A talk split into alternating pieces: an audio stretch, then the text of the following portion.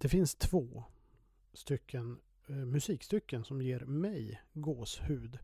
Och det är kanske inte mm, någonting man skulle erkänna sådär rakt av. Men eftersom det här är en podd där jag erkänner det mesta så är jag en så pass enkel människa att jag får gåshud av Tips Extra introt och jag får gåshud av Cars. Det vill säga det är en låt som är liksom ett Eh, som är ett leading theme på en eh, polisserie från 60-talet som utspelar sig i Liverpool på Merseyside. Och den låten har Everton-spelare sprungit in eh, på plan sedan 60-talet med en väldigt kort dyster historia när ägaren Pete Johnson på 90-talet plockade bort det. Men det var ju ett stort misstag. Och jag tror att ni alla har hört den. Har ni bara sett eh, fotboll från Goodison så har ni hört den och ni kommer att känna igen den. Och idag kommer jag bjuda på de här två musikstyckena. Det gjorde jag faktiskt i förra podden också när jag pratade med, med Erik. Men det blir lite mindre musik den här gången. För jag och Erik, vi går igång på första älvorna som vi har tagit ut. Jag har tagit ut med mycket ångest en elva bland Everton-spelare som jag tyckte var tipptopp under Tipsextra-tiden. Medan Erik han har tagit ut Everton-spelare men också andra Tipsextra-profiler. Och det blir ett långt samtal om flera av de här spelarna, dess egenheter och så vidare. Så jag ska inte prata något längre nu. Men det kommer att komma två musikstycken som eh, ger mig ståpäls i alla fall. Och vi börjar med det första. Vi kör väl igång Tipsextra-vinjetten.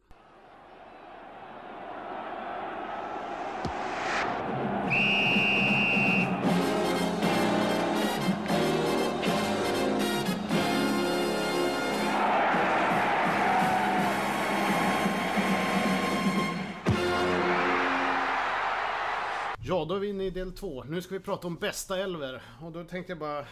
Det är svårt. Eh, Erik kan ju i princip allt. Men jag tänkte testa den elva som jag har tagit ut i den här boken då, Tips Extra, klubbarna, matcherna, spelarna. Och så kan vi diskutera lite grann kring de spelarna. Och sen har ju då Erik tagit ut en, en egen elva också som vi ska prata om. Men jag börjar med min då. Det är som vanligt, jag har tagit ut... Eh, de, de här ska ha spelat de ska ha gjort tips extra matcher mellan 1969 då och 1995. Eh, det är ett kriterium och jag tar gärna ut de som har gjort fler matcher än färre matcher så att säga. Så har man gjort för få matcher spelar ingen roll hur bra man var. Sen är det ju en form av godtycke, vilka jag tycker var bra. och sen är det också lite grann hur bra de egentligen var i verkligheten. Men mitt lag präglas då självfallet av, av de här killarna på 80-talet när Everton i princip vann allting. Eh, men vi har också några 70-talsherrar med. I mål är Neville Southall. Och det är väl inte så mycket att säga om honom. Nej, han är ju gjuten. Det kommer du se på. Alltså han, han var ju faktiskt... Nu kan mitt lag är lite tidigare än ditt. Men, men kör alltså, på bara. Eh, han, eh, han var ju otroligt bra alltså. Ja. Om man ser klipp idag, det, det är helt fantastiskt vilken eh, målvakt. Och man ska, han köptes ju egentligen från Bury som var långt ner. Ja. Och, och det var väl en av eh, Kendalls första värvningar. Helt fantastisk spelare alltså. Och han, han, var ju också, höll ju på väldigt länge. Ja. Han, eh, jag vet inte vilket år han slutade, var det 90... Ja, slutet på 90-talet i alla fall. Var det, och, och man spelade sina första matcher 81. Så, ja. så det är helt fantastiskt. Och, alltså en väldigt udda fågel tror jag det var. Jag har läst någon fantastisk historia med hur han var som person. Jag tror det var FA-cupfinalen 86 så åkte han hem i bil själv från Stämmer. finalen och ja. stannade för det var någon som hade fått punktering tror jag, där bilen hade stannat. Och då sitter det ett gäng Liverpool-supportrar i den här bilen. Och då hjälper han dem att, att byta däck. Ja. Och jag tror det finns någon bild på detta också. För ja, jag, jag, jag, tror, jag tror till och med det var fa Cup-finalen 95. Ja, ja, det var för han var, han var ju med så länge. Han vann ju den eh, 95. Men det var ju så, han, han var ju så kallad teetotaler, eller jag kan inte uttala det, men när man bara man säger att man bara dricker te. Ja. För det var ju rätt ovanligt i Howard Candles gäng på den tiden, då var det ju rätt mycket fest så att säga. Det var ju så han jobbade med en teambarn, utom Neville Southall. Ja. Han, han eh, var principfast och fick ju sina idéer och när han hade dem så stod han fast vid dem. Och jag vet, eh, när vi träffade Limpa så berättade han att han aldrig sett någon människa som har, har tränat så hårt men samtidigt mm. haft så dålig kosthållning. Ja. Han har tydligen chokladbitar.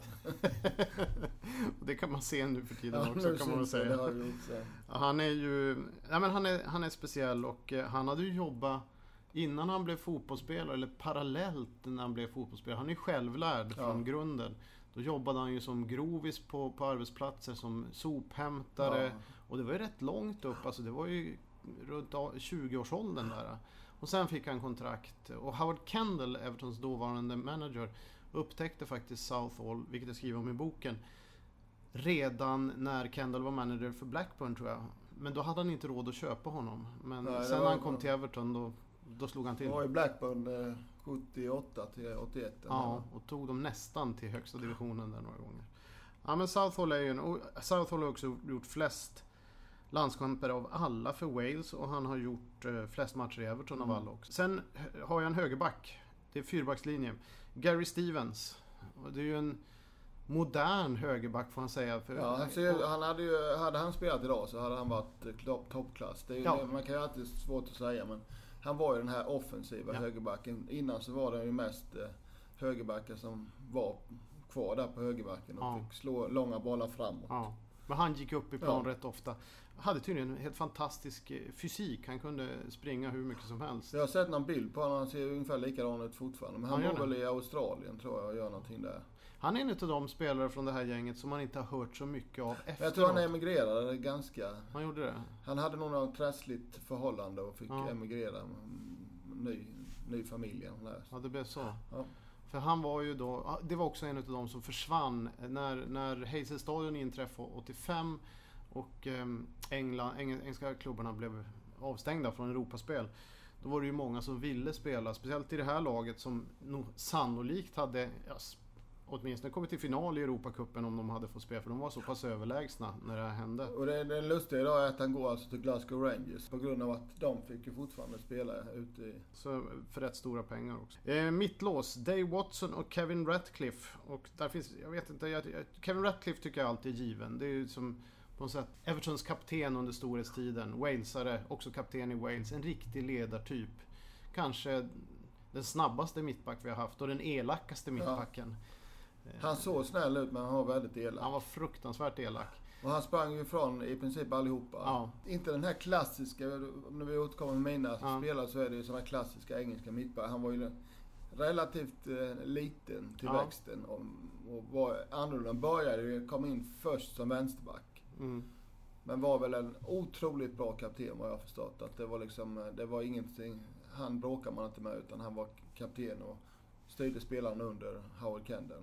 Och då ska man veta att i det här laget, det är sällan det finns sådana sammanslutningar där det har funnits så många starka profiler, starka röster i omklädningsrummet. Ja. Andy Gray, Peter Reed. Men det var Kevin Ratcliffe som var chefen, ja. det visste alla. Ja. Eh, och jag tycker också, Neville Southall och Kevin Ratcliffe, de drabbades lite av att de spelade i Wales som inte gick till något stort mästerskap. Mm. De var nära. Men de var, det, var, det var ju världsklasspelare när de var som bäst. Och det är lite konstigt att inte Wales för de hade ju, det var inte bara Everton. De hade ju en stark, eh, stark eh, grupp från Everton. De hade ju även eh, Rush och Mark Hughes och, ja. och några till. Så de hade ju väldigt bra spelare men det, det, det var ju mycket svårare att ta sig till VM. Mm. Hade det varit som VM ser ut idag så hade de säkert prenumererat på en plats. Men då var det ju färre lag som gick ja. vidare. Ja, det var. Och Dave Watson var ju också en, han tog över sen efter han var med och vann ligamästerskapet 1987, vilket är Evertons senaste.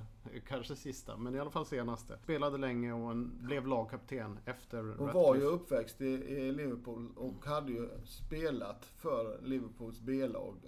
Det, det, var ju flera av de här spelarna i Evertons storlag som kom den ja. vägen. Men han var ju via Norwich och och var ju kapten där och mm. var ju senare kapten i Everton också. Fantastisk. Ja. Tog ju över efter Derek Mountfield som är helt unik egentligen mm. då när Everton vann 85. Han gjorde väl 15 mål som mittback ja. på en säsong. Det, det, det finns ju knappt idag ju.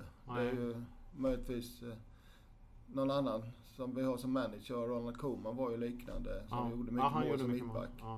Men jag vet att, jag tror till och med Derek Mountfield har sagt det själv. Derek Mountfield var väl aldrig någon stor fotbollsspelare Nej. men han var, han var en bra mittback, stor och han kunde nicka.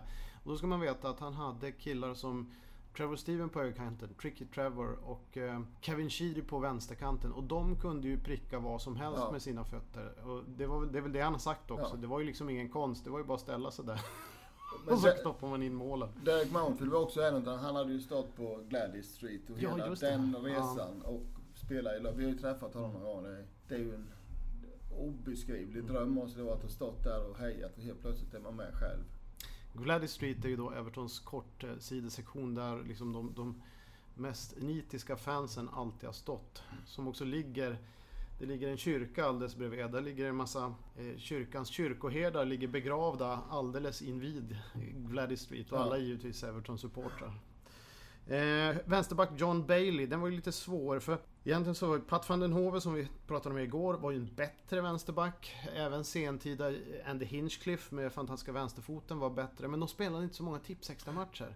John Bailey spelade rätt mycket i tips extra. Och vad kan man säga om John Bailey? Han hade ju en, en bra vänsterfot. Eh, och var väl en rätt kul kille i omklädningsrummet. Kille, ja. ja. Kanske inte bättre, men jag tog ut honom av den anledningen att han har fler matcher. Det är lite grann så, under den här tiden så fanns det ju väldigt mycket vänsterbackar. Utav ja. någon anledning i England som blev stora. Normalt sett är ju vänsterback, det är ingen som Nej. vet vad en vänsterback var. Men jag har en annan här och vi har ju även då Kenny Samson, vi har ja. de här och det, det, finns många, många. Jag tittar på Tipsex Arsenal hade ju ja. Sammy Nelson och, ja. och och West Ham hade ja, Frank West, Lampard. Frank Lampard inte minst. Och den äldre. Den äldre. Och så hade vi Derek Statham i ja. West Bromwich.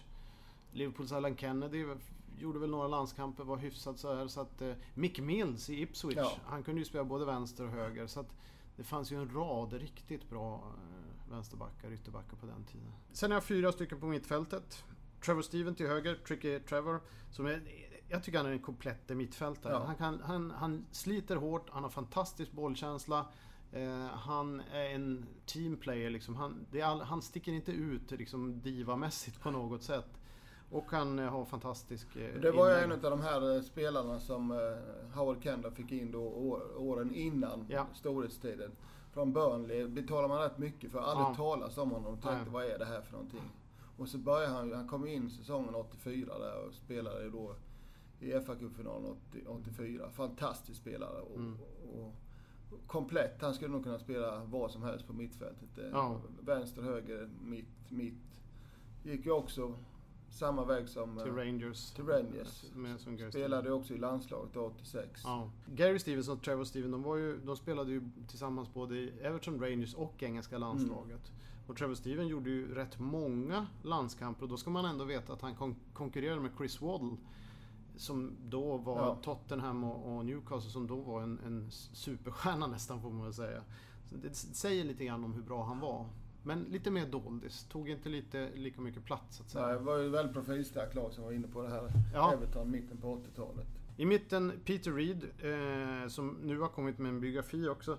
Som, där har ju en stark karaktär. Ja. Eh, som också var med i VM 86 bland annat för England. Jag har hört lite om just hans uppväxt där eh, pappan var riktigt röd och ja. mamman var blå. Ja. Och, eh, och hans pappa blev inte överlycklig när han skulle skriva på för Everton. Men han, han gick ju på matcherna sen och, och han själv var ju Liverpool-supporter som ung men ja. är ju faktiskt ett del av varumärket idag, Peter Reed. Ja. Otrolig spelare. Alltså han ja. var i princip förstörd när han kom till Everton av skador. Ja. Men eh, jag tror att jag har läst någonstans att Kendall sa till honom när han skrev på att ge mig ett halvår så kommer du vara bofast i engelska landslaget. Han hade bara skrattat åt det här med det. Det stämde? Det stämde. Ja. Och sen har han ju varit en, han är ju en tung profil i övrigt i fotbollen för han har ju gått vidare och liksom varit manager ja. och, och, och, Men det var ju tiden i Everton som fick fart på hans karriär och där han också tog de stora titlarna. Så var det ju. Han var ju på gång till Everton någon gång. Han kom väl 83 men jag tror 79-80 någon gång så skulle de köpa men då bröt han ju benet. Mm. Så var han borta länge. Och sen köpte vi honom, för, då typ var det väl en halv miljon. Sen köpte mm. vi honom för 60 000 pund tror jag då. Mm. Eh, en, en av mina favoritspelare genom alla tider nästan får man säga. Martin Dobson kompletterar han på mittfältet. Det är väl kanske, det kan man ifrågasätta den uttagningen. Det fanns så många andra mittfältslirare. Paul Bracewell som spelade tillsammans med Peter Reed var en fantastisk spelare men han gjorde inte så många... Han var ju skadad väldigt ja, mycket. och det blev inte så många tips extra matcher där. Eh, sen Stuart McCall, skotten, gjorde också rätt många tips extra matcher men var med i ett Everton som var lite sämre, lite senare. Och sen har vi alla 70-talskillar men det kanske du kommer in på Jag kommer nog senare. Men han tillhör ju dem, eh, Martin Dobson, Sir Dobbo tror jag han ja. kallas. Väldigt, väldigt elegant spelare. Mm. Som man har sett nu. Han, lite Hoddle, Brooking ja, det var typ typen. Så, nog inte världens snabbaste fotbollsspelare men nej. bra fotbollshuvud. Ja, han var ju en elegant. Jag har alltid gillat de där eleganterna. Han är väl många som säger att det, på något sätt så blev det... Everton förstörde hans karriär mm. var någon som sa att han blev inte... Han var ju på väg upp då när han mm. kom 74. Skulle han bli var dyr. Dyr och mm. skulle bli typ Englands dominerande. Men blev inte riktigt det. Utan någon anledning. Jag vet inte. Han kan inte... Jag tror det var som det här med den dåvarande managern Gordon Lee. Han kom väl in under Billy Bingham och sen tog Gordon Lee över. Och Gordon Lee var ju mera för uh, kämpa och det var väl mycket, man slog mycket långt. Ja. Och han stod och tittade. Då har du ingen nytta av Martin Dobson.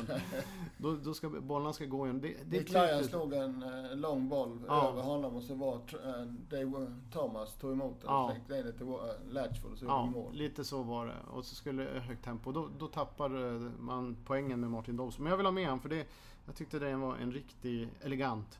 Till vänster Kevin Sheedy, det, det är som kommentarer överflödiga tycker jag. Det är den bästa vänsterfot som kanske jag har sett någonsin. Jag tror att man måste...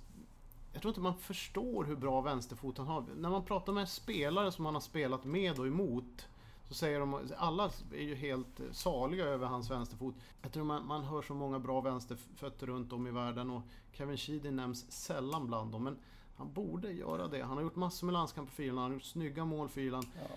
Och det är bara att gå in och titta på klipp från matcher, hur han prickar eh, huvuden med sin vänsterfot och hur, hur han smeker bollen. Jag, jag har bland annat sett ett, ett det mål. Det så enkelt ut. Ja, eh, du har ju den här Roberto Carlos frisparken ja. som är så berömd där bollen går. Eh, jag har sett Chidi göra en liknande grej på en video hemma från säsongen 87 tror jag. Det, det, då lobbar han och så skruvas bollen först åt ena hållet, sen åt andra hållet och sen in i mål. Och det är magiskt och han är ju också känd för att ha gjort, eh, det berättade han ju när han var på Swedish Toffees en gång också. 1985 ja, mot Ipswich. Ja. det var en frispark. Så lägger han den i ena hörnet bakom målvakten Paul Cooper. Men så har han tagit den för tidigt eller något sånt där. Och så ska han lägga den igen och då kommer tydligen Peter, Peter Reed fram och säger ja, men du, du sätter den inte en andra gång. Och, och Sheedy bara säger, och Reed vill ju då slå den själv. Men Sheedy menar att Reed skulle ju aldrig träffa bollen. Och så säger jag Get the effing way, säger Chile bara. Och så lägger han in bollen i andra hörnet. Det är rätt tungt ja. faktiskt. Vä väldigt eh, anonym person. Ja, man träffar honom. Lågmäld. Och det är klart, med den här media som är ja. nu och han hade varit så hade han ju varit eh, gud ju. Det. Ja, definitivt. Längst fram Bob Latchford och Graham Sharp. Eh, innan vi går in på dina, några kommentarer bara till. Latchford kanske du kommer att nämna. Eh, men Latchford var ju den som spräckte 30-målsgränsen. 77-78. Det var ju inga forwards som gjorde 30 mål Nej. på den tiden. Han var den som gjorde det. Och Graham Sharp är väl den mest eh, underskattade skotske centerforward som någonsin har funnits. Ändå är han känd. Ja, helt otroligt. För han var så, han, jag tror han har haft 14, i Everton har han haft spelat tillsammans med 14 andra forwards. Allt ifrån liksom Bob Latchford till Gary Lineker och Tony Cotti och så vidare. Och det är nästan alltid han som har gjort att de har ja. blivit bra. Och så har han själv hunnit göra en massa mål samtidigt. Ja, fantastisk spelare. Mest mål eh, efter kriget. Och, ja. och, och, innan kriget går ju aldrig komma upp. Det är ju aldrig någon som kommer göra 60 mål på säsong. Det. Så att, och det är, här är det rätt hård konkurrens med spelare som Tony Cotti, Adrian Heath som var väldigt bra, också en doldis. Eh, Andy Gray, Gary Lineker och så vidare. Men ingen har egentligen någon chans mot Ja, det, är, det är mycket bra elva. Ja, min är ju lite mer, lite tidigare. Ja, men kör igång med din elva nu.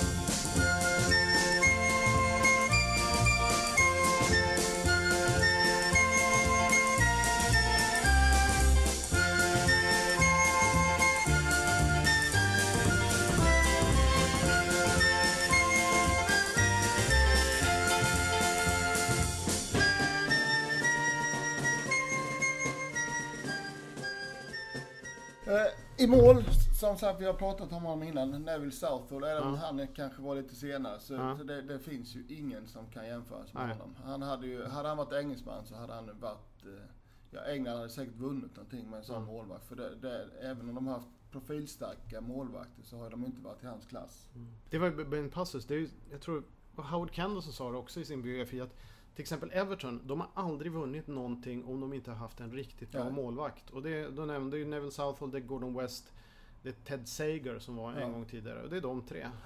Och det, alltså det, den här säsongen 74-75, de hade Day Drop Davis som man mm. kallas. Mm. Och den andra hette ju Lawson. Ja. Delare. Det var ju, hade de haft en bra målvakt, då, det sägs ju att Chilton var på väg. Hade de fått honom kan de ha vunnit. De hade ju George Wood sen också som inte riktigt Nej. höll. Och det var flera omgångar och det, och det har ju varit så sen också. Ja. Målvakt är väldigt avgörande.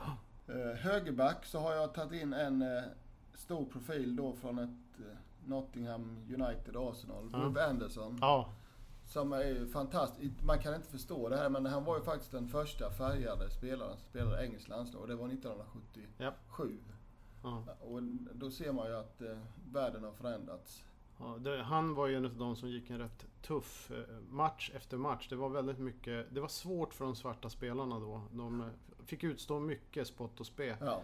Men de banade ju väg för vad vi ser idag. Vilket är helt suveränt. Och Viv Anderson, han var ju han var en utav dem. Sen var det de här tre i West Bromwich, eh, Laurie Cunningham och Sir Regis och Brandon Bott. Ja.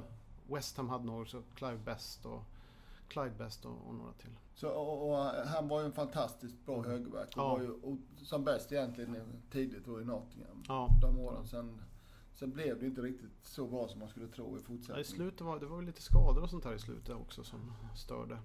Som mittbackar så har jag uh, Mick Lyons, Everton. Ja. En fantastisk människa. Everton, eh, de säger att han har blått blod i ådrorna. Mm. Är ju en spelare som är med i ett sånt här lag. Han lyckas ju aldrig vinna mot Liverpool. Nej. De gånger de vann, de vann ju då 78, mm. det här berömda Andy King-målet. Då var mm. han skadad den mm. matchen. Mm. Och sen var det någon cupmatch, då var han också skadad. Så mm. att, men han hade ju en enorm, enorm kraft. Och just det när de låg under ibland så skickade de fram honom som centerforward. Han började som centerforward. Ja. Ja. Och en riktigt nickstark herre. Ja. Mm. Mycket. Och kapten. Ja. Så, så, och, och som komplement till honom så har jag en annan spelare som inte riktigt blev så bra som man hamnar lite i fel period i sin lag. Gordon McQueen. Oh, ja, Leeds, Manchester ja. United. Som också, ja. de kanske är lite för lika varandra men också en sån här ja, man hade krigare. Den, ja. Man hade ju den typen av mittlås på, på den tiden. Gordon och det är som en utvägning sen tio år senare ja. med, med Kevin Ratcliffe. Är inte alls den typen där. Nej. Och som vänsterback har jag som jag nämnt tidigare, det fanns ju många profiler, men jag, jag gillar den här eh, West Bromwich, Derek Statten. Ja, han var ju riktigt bra. Riktigt sen, bra. Sen är det en av vi inte har nämnt här, det är Mike Pagic som spelade Everton. Som mm. också var en fantastisk eh, vänsterback. Så det finns ju många, många profiler på just på den positionen. Stoke och Everton, det, det var ju lustigt där för, för när, när Stoke Taket blåste ju av deras arena i mitten på 70-talet och då var de tvungna att betala för det. Och det var ju liksom början till utförsbacken. De hade ju ett rätt bra lag då. Och då var de tvungna att sälja Jimmy Greenhoff, Alan Hudson och Mike Pedgic. Och det var ju de bästa spelarna där i det laget. En rätt kraftfull eh, ytterback. Han var bonde med för mig. Jag tror att han köpte ett jordbruk av Kevin ja. Keegan har hört någonstans. Det var lite udda figur. Ja, han, han, var inte... han såg ju väldigt liksom 70-talsaktig ut. Ja. Lite grovhuggen sådär. Eh, fin ja. vänsterfot. Ja. Troligtvis helt vänsterfotad. Sannolikt, sannolikt. Sen Mick Lyons var också lite speciellt för att han vann ju aldrig något med Everton trots att han var lagkapten så länge. Det finns ju också en historia om när han eh, blir såld till Sheffield Wednesday. 80-tal, början på 80-talet. Han gråter på ja, vägen. han gråter på vägen och så var han tvungen att stanna och gå in på en pub. Och där är en, en supporter som frågar varför han gråter. Och säger, förklarar han då att han ska Han skriver på för Sheffield Wednesday han ska sluta Everton och då sa tydligen den här eh, fan, eh, supporten Ja det var lika bra för jag tyckte ändå att du var shite. det var rätt hårt. Men han var, och han var ju också ledaren i det så kallade F-Troop som de hade i Everton på den tiden. Alltså det här partygänget. Det var ju ett antal engelsmän då som, som körde rätt hårt egentligen. Det, det var inte... Man satsade inte så mycket på just den delen på den tiden. Utan det var ju mycket här eh, festande. Och det var Kendalls byggde ju hela laget. Han byggde hela laget på, på liksom gemenskapen där. Sen fick han ju betala priset av det själv i slutet på sitt liv. Men... Ja, han dog ju för ett par år sedan, 69 år gammal och rätt, eh, alltså rätt eh, risig får man väl Ja. säga. Sen på den tiden på 70-talet så spelade man ju mycket 4-3-3. Mm. Och det, det har jag ju tagit gräddan. Det kan inte bli världens snabbaste mittfält det här men du har Liam Brady. Oh. Vilken elegant. Ja, och, jag- Arsenal, ja, irländska landslaget. Och var ju en, faktiskt en av de få som har lyckats i Italien. Utav, i Juventus. Det var, det var ju rätt häftigt. Han var ju Juventus nummer 10 på den tiden Juventus var, ja, var bland de bästa i, i Europa. Och eh, han ersattes av Michel Platini tror jag. Eh, så att han eh, gjorde enormt bra ifrån sig. Han, Chippy. han var ju otroligt elegant. Och sen kommer en ännu el- elegantare spelare. Trevor Brooking, West Ham. Ja, en, en gammal favorit. Han skriver också rätt mycket om i boken Trevor Brooking. Sir Trevor Brooking Ja. numera. Har Eh, gjort en karriär i FA ju. ja. Sen, så att, eh, Också faktiskt i en landskamp, jag kommer inte ihåg när det var, men det var på 70-talet så är han känd för att han, han sköt ett skott mot Ungern där bollen fastnade i krysset. gick den in eller? Den gick in och så fastnade han där i krysset. Ja, den sista mittfältaren är ju eh, den stora Everton-profilen, Andy King. Mm. Också en... Som är ju legendar egentligen för en match. Han gjorde... Everton hade inte vunnit ett derby på sju år. Nej. 1900, eller åtta år. 71 tror jag de vann och sen vann de här 78. Ja. Och gjorde matchens enda mål. Det, och efter det så blev han eh, eh, King of, of the King of Everton. Mm. Eh, var ju tillbaks igen. Han, var, han gjorde sig omöjlig på något sätt. Han Ja. blev osams med dem eh, om pengar tror jag, Ja. 1980. Och gick till Queens Park Rangers och West Bromwich. Men kom tillbaks sen då när Kendall var inne på sin, i början som manager. Men det, det blev ingenting och han... eh, Nej, och slutet var väl han blev petad i ligacupfinalen kommer- 84 var det va? Ja, jag tror han spelade i semifinal. Men Ja. sen spelade han aldrig mer. Och jag tror att det var rätt mycket festande också. Så. Ja. Och du har ju en historia om Andy King när han var i Sverige också. Ja. Han, han spelade ju i... Örebro. Ja, 12 matcher och sen Ja. skickade de hem honom för de, han skötte väl inte. Ja. Det här är så, Trevor Brooking och Andy King, det är ju varandras motsatser. Eh, Trevor Brookings alltid skötsam, alltid trevlig och vältalig. Och Andy King är väl lite grann en, en, en ruffigare herre helt enkelt. Och han dog ju för några år sedan ganska Ja, ung. Men han gjorde eh, det. var väl, jag tror han- hade, var på väg tillbaks till Mm. eh, Liverpool. Hade köpt sig en lägenhet här och Mm. skulle komma tillbaks. Var ju lite grann eh, manager i en lägre sammanhang Mm. men gick aldrig. Så vi har ju bland annat eh, Olof Schön som var med Ja. i Swedish Office innan. Det är hans eh, Stora idol. stora idol. Kom ju från små pengar från Luton. Ja. Slog igenom direkt och sen Ja. spelade han ju då. Och då 77-78 där var han ju jättebra. Och här, det är ju faktiskt en, en av de här Everton-ikonerna från 70-talet, Andy King. Så han, det är ett stort namn här i Everton. Fint mittfält måste jag säga, riktigt fint. Ja, lite, jag har ju blandat upp det Ja. lite grann. Sen, sen eh, anfallssidan kunde jag inte hålla mig från Nej. att vara ren, eh, ren Everton. Ja. Vi kan börja med Duncan McKenzie som Mm. eh, Duncan the Wizard som är en otrolig profil. Jag har ju träffat honom flera gånger Ja. och han, ja, han och jag är, träffar jag honom på gatan här så Ja. känner han igen mig Ja. och vi står och pratar. Han har träffat min fru flera gånger Mm. och, och väldigt eh, bred. Eh, Han kan nog prata med vem som helst. Han Ja. hittar alltid någonting. Om du träffar en rävfarmare så berättar han en historia om en rävfarmare han har Ja. träffat i, Ja. i Belgien. och, och har faktiskt varit i Sverige som Ja. utbytesstudent en sommar. Som 14-åring tror jag. Mm. Och han älskar eh, Marabou mjölkchoklad. Så några gånger jag har varit här så har jag haft med mig lite Marabou Ja, mjölkchoklad. det är så pass. Ja. Givit honom. Då blir han fantastiskt glad. Och Mm. han har ju gjort, alltså han är ju ja, en stor uppkomiker skulle man kunna säga. Ja. Ja, jag har ju hört han ett par gånger. Jag, känner ju honom inte, men jag har hört han ett par gånger. Han är fruktansvärt rolig. Ja. Första gången vi var på en sån här Swedish Office-resa, då var det någon större tillställning på Goodison. Ja. Och då var han där och då satt vi vid ett bord och, och käkade och så här. Och då, då var min son, jag tror han bara var åtta år eller något med. Och då kom han förbi och snackade med honom och började dra en massa ord på svenska. Ja. eh, och sen kommer jag ihåg, vi har ju träffat honom utanför Goodison en gång när Ja. vi kom gående där. ja. Och så, då ser han oss och så ställer han sig bara och börjar snacka och så drar han en massa historier och efter en halvtimme så kommer han ju på att jävlar, jag, jag, jag ska ju grilla, jag måste hem nu. Han har, ju, han har ju hoppat över bilar och grejer. Han har ju... Ja, för det var en han, han hade... Han var ju berömd för det. Han kunde ju kasta bollar. Eh, var det golfbollar eller något han kastade Sen framförallt det han var berömd för att han, han hoppade över Mini Cooper-bilar. Ja. Och det gjorde han inne på arenan. Jag tror framförallt under tiden i Leeds som han gjorde det. Don Revy, eller managern, jag tror det var Brian Clough då, gillade väl det inte sådär jättemycket. Men men det var typiskt Duncan McKenzie.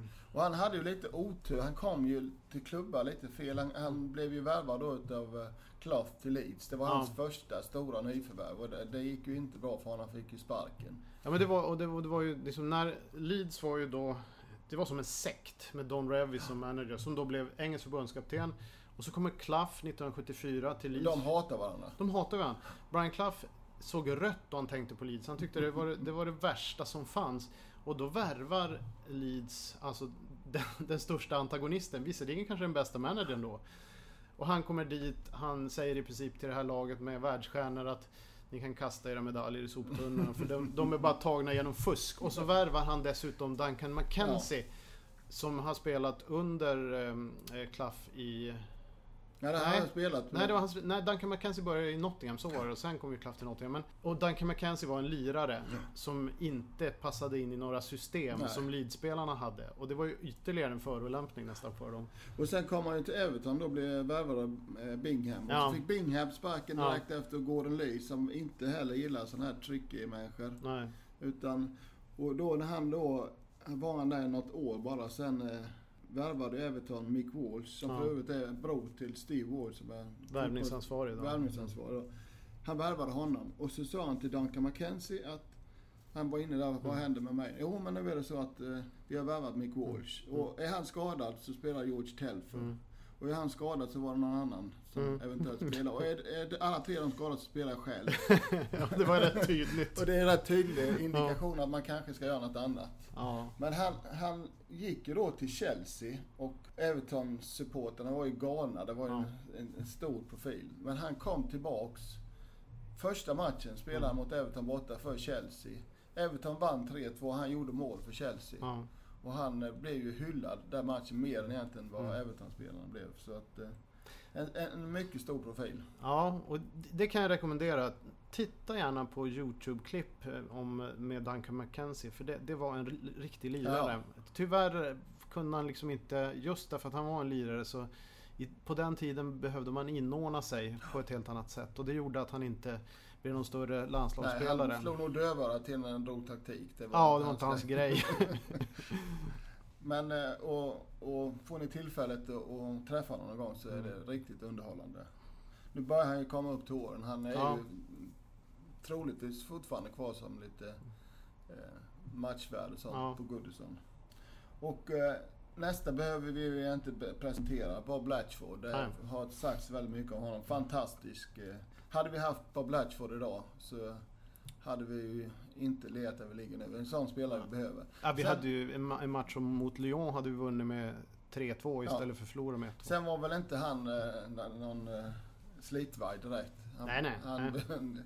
tyckte nog inte om att vara långt ifrån straffpunkten. Nej, och han, det sägs ju också att, att han var ju han var ju rätt liksom, avslappnad i sitt sätt att vara och rätt snäll. Ja. Eh, han såg ju inte så ut, han var ju stor. Ja. Eh, men det, det, fanns en möjlighet att om man som mittback, som han var på den tiden, gick in och, och charkade honom hårt i början. Då blev han tokig, då blev han arg. Ja. Och då blev han bra. Och då kunde han göra vad som helst egentligen. Han har ju tydligen sparkat en av sina brorsor i huvudet som ja. var målvakt. Så, ja, Dave Latchford. Dave Latchford, han har varit.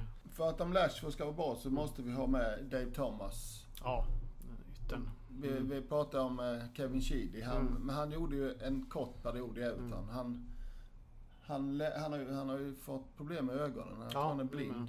Men jag lyssnade på en intervju med honom. Han sa att det är det största misstag någonsin att jag lämnade Everton. Ja, därmed så lämnar vi. Det blir en liten cliffhanger den här gången. Därför att eh, Erik, han har ju nämligen en avbytare också. Nummer 12. Och det är inte vem som helst. Det är en av de kanske mest lovande spelarna under 70-talet. Som också blev den dyraste spelaren. Han vann Europacupen. Ja, en del av er vet säkert redan vem det är. Och han blev kanske inte så bra som man kunde tro. Ändå blev han väldigt bra. Sen fortsätter diskussionen bland andra profiler från den här tiden. Och vi glider över på andra lag också, inte bara Everton. Vi kommer också att prata om möten med eh, kända profiler och spelare som var stora förr i världen. Vi kommer också prata om fotbollen nu och då, informationsinhämtning och allt sådant. Men det kommer i nästa avsnitt. Nu säger vi bara så här, Old School Fotboll i väntan på lördag, även om det nu är måndag, så börjar väntan nu. Skål på er snart i alla fall.